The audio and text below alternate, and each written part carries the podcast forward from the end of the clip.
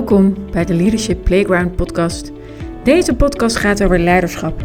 Authentiek blijven in een wereld waarin ongeschreven regels je soms het idee geven dat je het anders moet doen dan je zou willen of dat bij je past. Impact maken en jezelf blijven.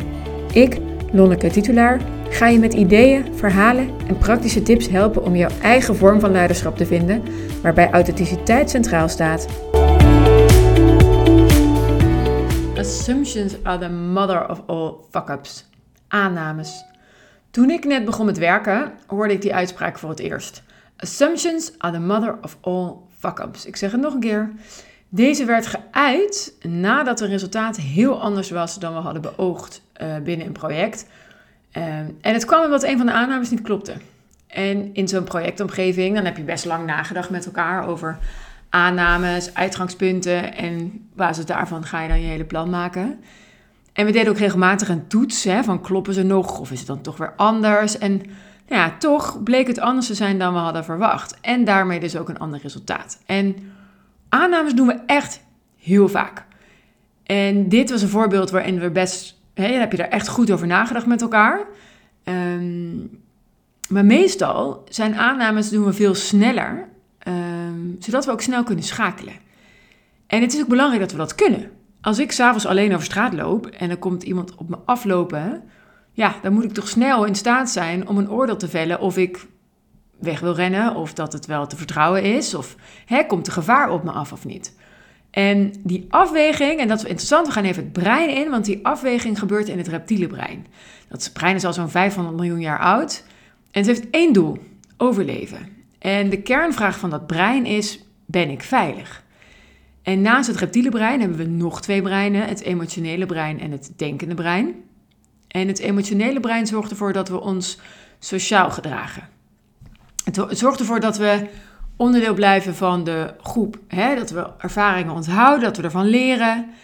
Die behoefte om erbij te horen. En hè, lang geleden was het cruciaal. Want als je niet meer bij de groep hoorde, dan was meteen ook je overlevingskans kleiner. Dus daar zit die vraag: ben ik geliefd? Mag ik meedoen? En het derde brein, dat is het denkende brein. En dit is het brein wat logisch kan nadenken, kan analyseren, kan keuzes kan maken, plannen, problemen oplossen, vooruitkijken. En vergis je niet, we spenderen slechts 5% in dit deel van het brein. Dus als jij een dag op je werk bent geweest en je denkt: wow, ik had echt een topdag, hele verstandige keuzes gemaakt. Ja, check again. Hè? Is dat wel echt zo? Um, en ze kunnen wel verstandig zijn, maar ze worden voor een groot deel toch geleid door je reptiele brein of je emotionele brein, niet je denkende brein. En zodra er een lichte vorm van stress komt, schieten we al in een primaire reactie. En ja, stress is er best snel. fysieke ongemakken als honger, koud, slaapgebrek, maar ook mentale stress, deadlines, acties, inboxen vol, nou ja, al die dingen. Even een zijstapje over stress. Ik merkte dat natuurlijk dinsdagochtend deze week. Het was 4 ehm, april. En ik las op nu.nl dat er een treinongeluk was gebeurd in Voorschoten. Heftig incident. Doden, meerdere slachtoffers, meerdere gewonden ook. Ehm, en die beelden van die trein, nou, het zag er gewoon echt indrukwekkend uit. En meteen voelde ik in mijn lijf dat de stress erin schoot.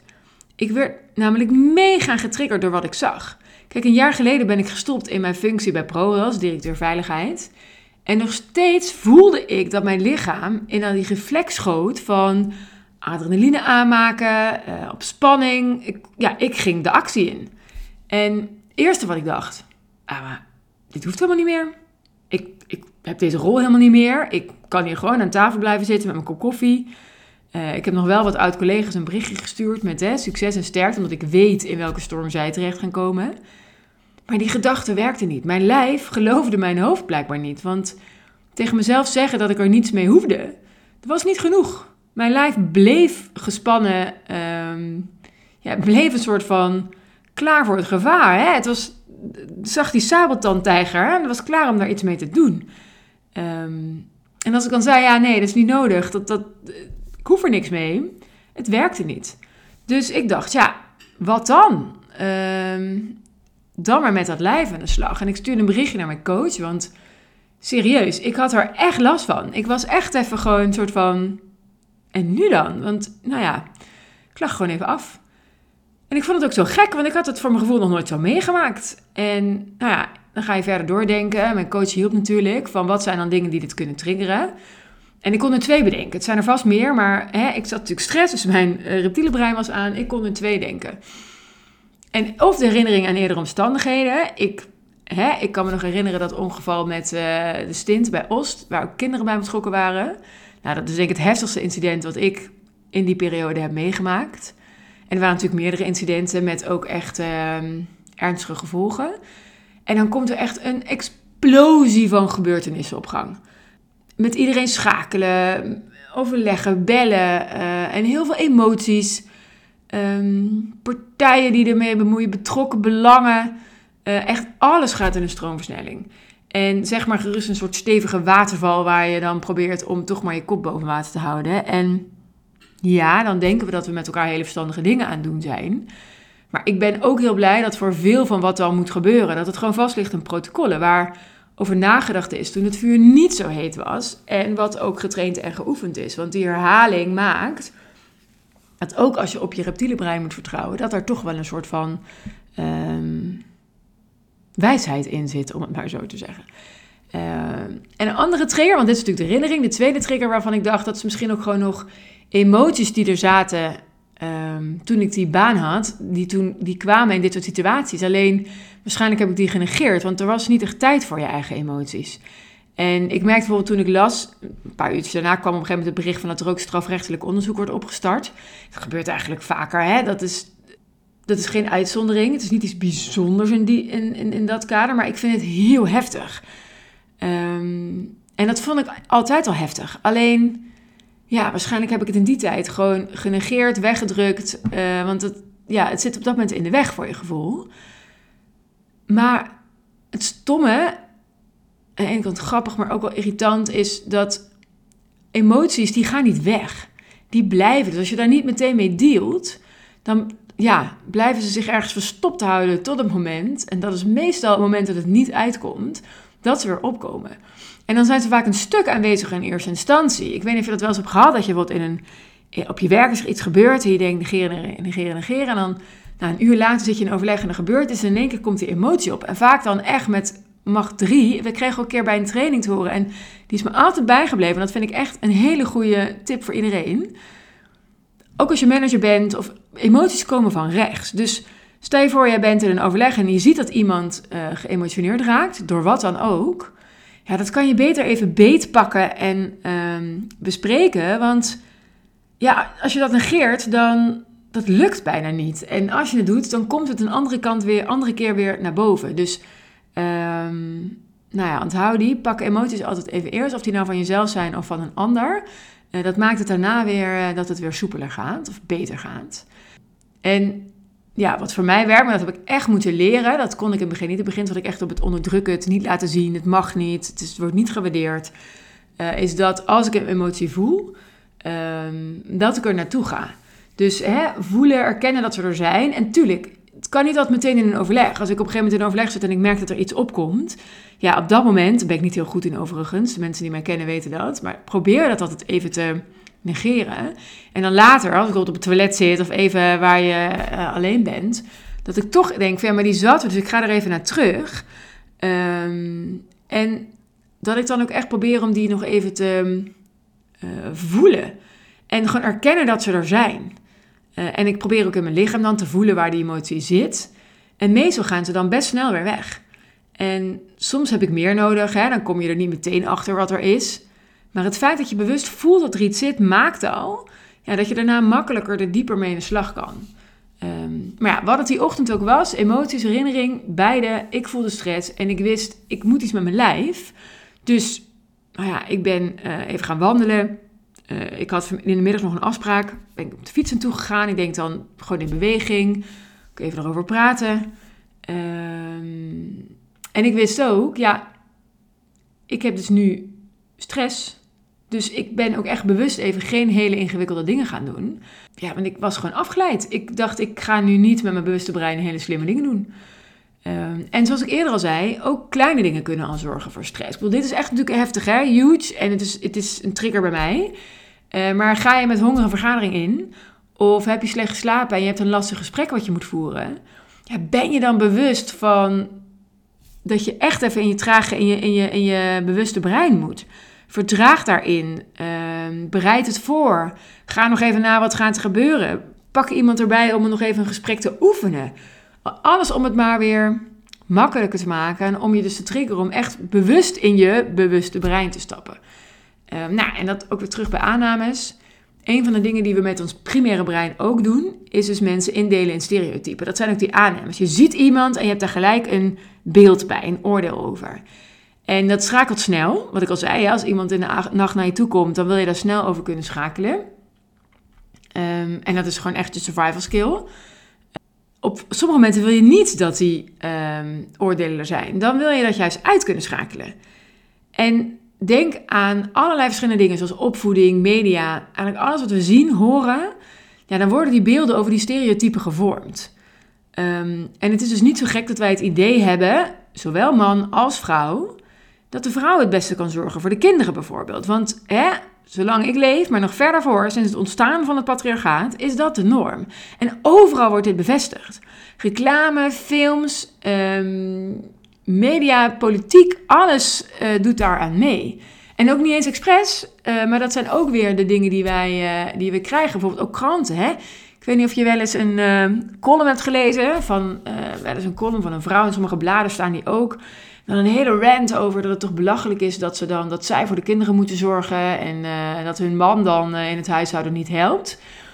En dan gewoon heel serieus denk ik, oh sterk, goed gedaan. En dan eindigen ze toch weer even met de zin, zo, dan ga ik nu even de aardappelen schillen. Nou, ik word er echt helemaal tureluurs van. Dat ik denk van, hou die laatste opmerking dan voor je. Want daarmee ontkracht je dus alles wat je daarvoor weer gezegd hebt.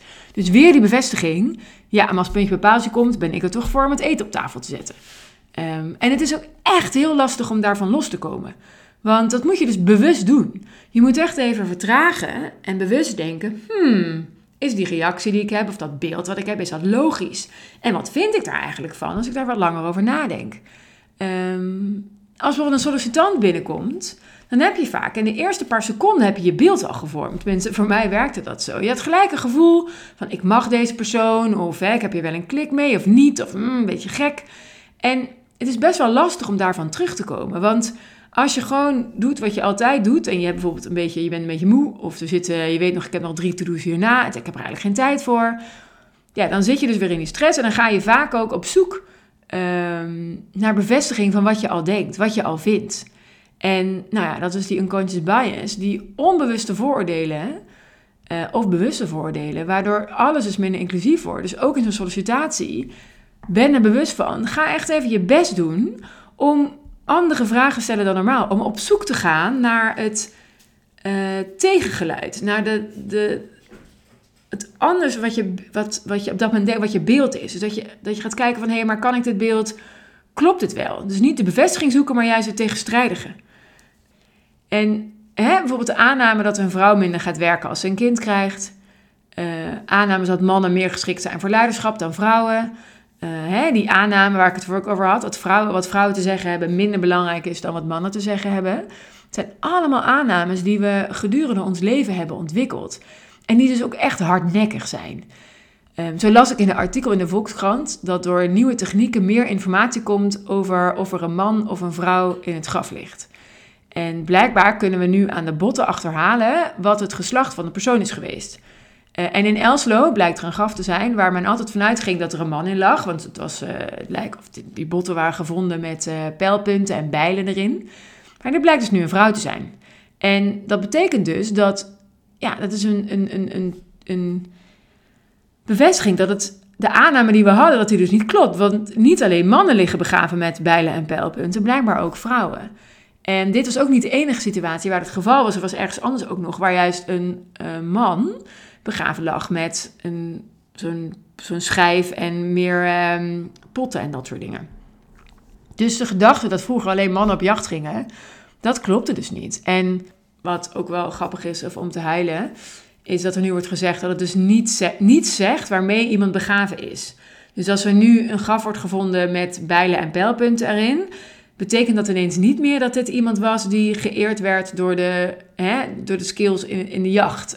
Um, En dan denk ik, ja, daar gaan we. Want stel je voor dat je afstand moet doen van de rolverdeling die we hadden bedacht uh, vroeger. Ehm, dan is dit misschien makkelijk. En ja, ik snap ook wel dat als je zo'n vondst hebt, dat je dan voorzichtiger wordt in dingen beweren. Ehm, maar ik vond deze wel weer ook heel typisch. Dat ik denk, ja, ehm, nu gaan we volgens mij weer de andere kant op. Maar het laat dus vooral zien dat we oordelen op onze eigen aannames. En dat we die best wel eens vaker ter discussie mogen stellen, omdat die vaak ook gewoon niet kloppen. En denk jij nou, hmm, ik heb denk ik ook wel aannames, maar ik weet niet zo goed welke dat zijn, of je wil er eens dieper op verkennen, dan help ik je graag. Laatst heb ik ook een workshop gegeven over de unconscious bias bij een organisatie en dat, was echt, dat leverde echt hele interessante gesprekken op. We hebben er namelijk allemaal. Ook als het gaat om de aannames voor wat betreft gender of ehm, kleur of allerlei dingen. En zowel mannen als vrouwen hebben veel dezelfde oordelen. En ze zijn bewust, maar ook vaak onbewust. En daar met elkaar op een open manier over praten, zonder gelijk te beginnen over schuld en fout en slecht. En nou, levert dat hele interessante inzichten op. En het kan ook echt een mooie opmaat zijn naar een meer, ja, meer inclusiviteit binnen een team of organisatie. Dus mocht je denken, man, dat klinkt interessant, laat het me weten. En mocht je meer willen weten over de theorie rondom die breinen en het gebruik van bewuste en onbewuste brein, dat staat heel uitgebreid omschreven in het boek van Thinking Fast and Slow van Daniel Kahneman. Ik schrijf, ik weet niet of ik die uitspraak goed heb, maar ik gok als je googelt op de titel Thinking Fast and Slow, dan komt hij vanzelf wel in beeld. En echt een aanrader, interessant boek. Um, nou, dan komt deze aflevering weer tot einde. Dankjewel voor het luisteren en hopelijk heeft het je weer aan het denken gezet. Vergeet niet je te abonneren op de podcast, zodat je een bericht krijgt als er een nieuwe online staat. En als je me echt blij wil maken, laat dan een review achter of deel deze met anderen op social media. Nog een fijne dag en tot de volgende keer.